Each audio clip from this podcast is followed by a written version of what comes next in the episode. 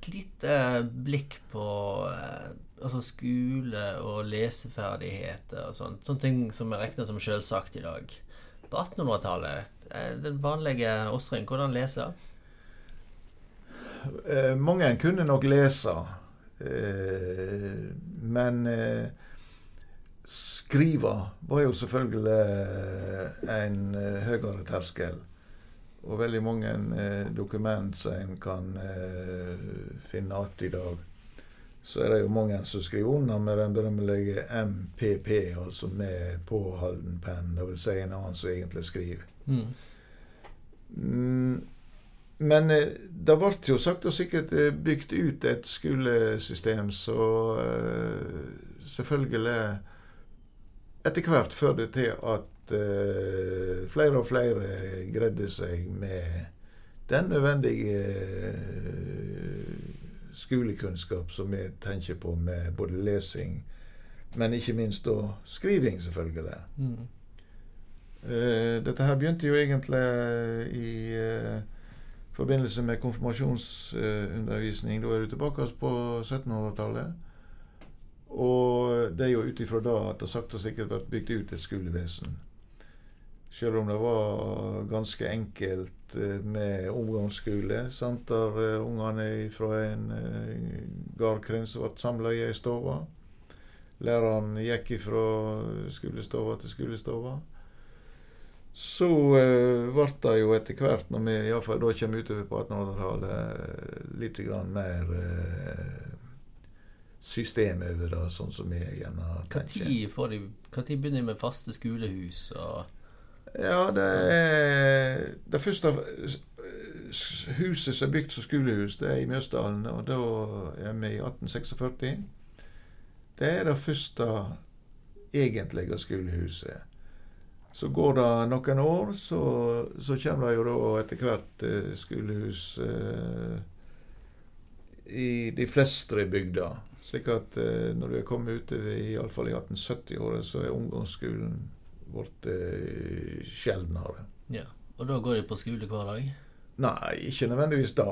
Men altså, det er, det er et eh, det har skjedd et skifte, slik at det som er skole, det er det er atskilt ifra den daglige dont i eh, ei vanlig stove, sånn som det tidligere var. Mm. Og som vi har mange vitnemål om eh, mange klager på, spesielt øvrigheten. Men når du kommer da fram til det er jo 1889, så er det magiske året, der du da får en ny skolelov som eh, egentlig omkalfatrer fullstendig eh, skolesystemet. Og det er vel da en kan si at uh, den sjuårige skolen blir egentlig skapt. Mm.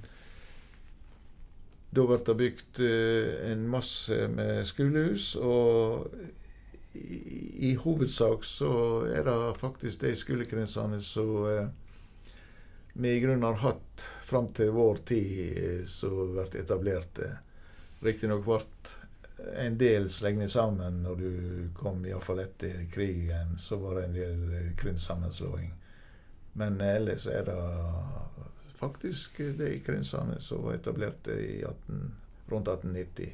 Og det skolehuset som da ble eh, bygd. Mm. Du um, 1800-tallet. Men det var 1900-tallet. Det er mye som skjer nå mm. uh, på en gang. Uh, hvis vi tar overgangen ifra Hvis vi kalte 1800-tallet, da var Oslo et jordbrukssamfunn. Og så utover på 1900-tallet, så er det ikke det på samme måte lenger. Hva skjer her uh, nå? Altså, det, det, er jo mange ting som skjer, ikke spesifikt for Osterøy, men det skjer veldig mange ting generelt i samfunnet. Og det som er veldig viktig, det er jo da at samferdsla blir eh, revolusjonert. Og det kommer jo da med dampen, dampbåtene. Der det etter hvert eh, blir etablert faste ruter. Og dermed så er jo da eh, mer eller mindre det vi kan kalle avstengte lokalsamfunn. De blir på en helt ny måte åpna mot eh, omverdenen. Hvor mange dampskipkaier har vi på Åsøya? Ja, det vet jeg ikke, men eh, etter hvert nå, så når du er fra 1880 og iallfall 90-året, så er det de fleste bygder vil bygge seg kai for å sikre seg dampstopp. Og eh, det er jo med Indre Nordhordland så blir jo selskapet som er liksom eh, selskapet i vårt område. Mm. Det ble eh, etablert i 18, 1891, og bygger jo da på sammenslåing av eh, et par andre selskap som trafikkerte fjordene eh, før den tid. Og da er, det, da er det viktig for flest mulig bygder å skaffe seg kai, så dampen kan legge til. Og det har vært et helt nytt uh, mønster for uh, all ja, Hvordan forandrer det bygda på en måte? Ja, Først og fremst da at det er nå fast forbindelse ut ifra bygda. Det kommer nye impulser inn, og det kommer nye varer inn. De kan sende varene sine med dampen. Slik at det er et helt uh, skifte i det som liksom er samfunns, lokalsamfunnsdynamikken, uh, mm. så å si. Mm. Og det er, det er sånn som så forandrer bygdene ganske dramatisk uh, på, på nokså kort tid. Og det som blir neste steg, det er jo da at etter hvert så ligger jo så, så vil jo flere og flere Eh, bygda. Bygge seg veier. Det, det var neste steg i den utviklingen. I første omgang er det om å gjøre å bygge vei så de kommer til dampstoppen.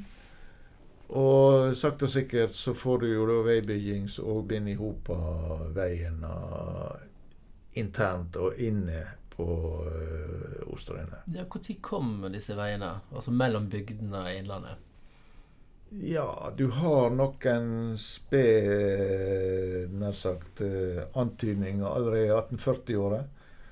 Der du får eh, en vei som går bl.a. fra Vollstrand og over, over Møsåsen til Gjerstad. Og så får du vei mot Lonevågen.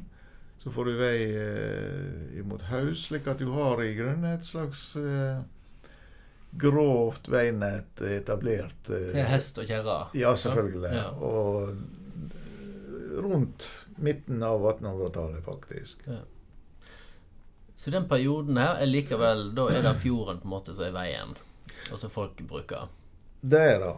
Og Når skifter det? Eh, Når på en måte tar eh, veiene over hovedfunksjonen? Ja, Da må du lenger fram. Da må du egentlig må du faktisk eh, forbi eh, verdenskrig. Før da for alvor slår inn. Altså faktisk eh, både i, 18, nei, 1940 og, og, for så vidt 50-året så er fortsatt dampen eh, livskraftig. Men det er jo tydelig at alle skjønner at eh, de, den er på ebb. Mm. Og det har jo å gjøre med at det blir bygd eh, selvfølgelig mer og mer eh, veier, og bedre, og bedre veier. Og dermed så har du jo da òg eh, eh, trafikkomlegging med da selvfølgelig bilen som etter hvert får mm. uh, mer og mer å si. Ja, vi skal komme tilbake til det snart. Men hva er det med dette med skole i stad. Framveksten av skole. Eh, leseferdigheter, etter hvert skriveferdigheter. Hvis vi nå hopper fram til uh, i dag, og for så vidt de senere årene, hvis vi ser på statistikken når det gjelder utdanning uh, og inntekt, så ser vi alltid Oslo ligger langt, ganske langt nede på lista der, hvis vi tenker nasjonalt nivå. Uh, har det alltid vært sånn, og hva, hva, er, hva er grunnen der? Ja, det Altså hvis du har eh, statistikk eh, for det tidlig, så eh, er det noe nytt for meg, da. Men hvis vi er fra 1960-tallet og utover, så er det jo stort sett dekkende. Mm. Det var jo lenge slik at utdanningsnivået på Osterøy var lavere enn både om en sammenligner med fylket og landet. Og det tror jeg nok har eh, å gjøre med at det er jo da vært veldig eh, en, veldig eh, entreprenørånd i lokalmiljøet på Osterøyene.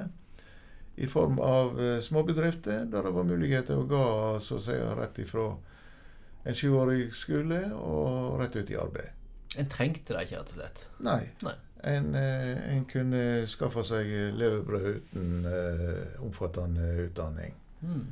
Det har nok forandret seg uh, litt de siste årene, men uh, det var lenge tilfelle. Både i 50-, 60- og 70-åra i alle fall. Mm.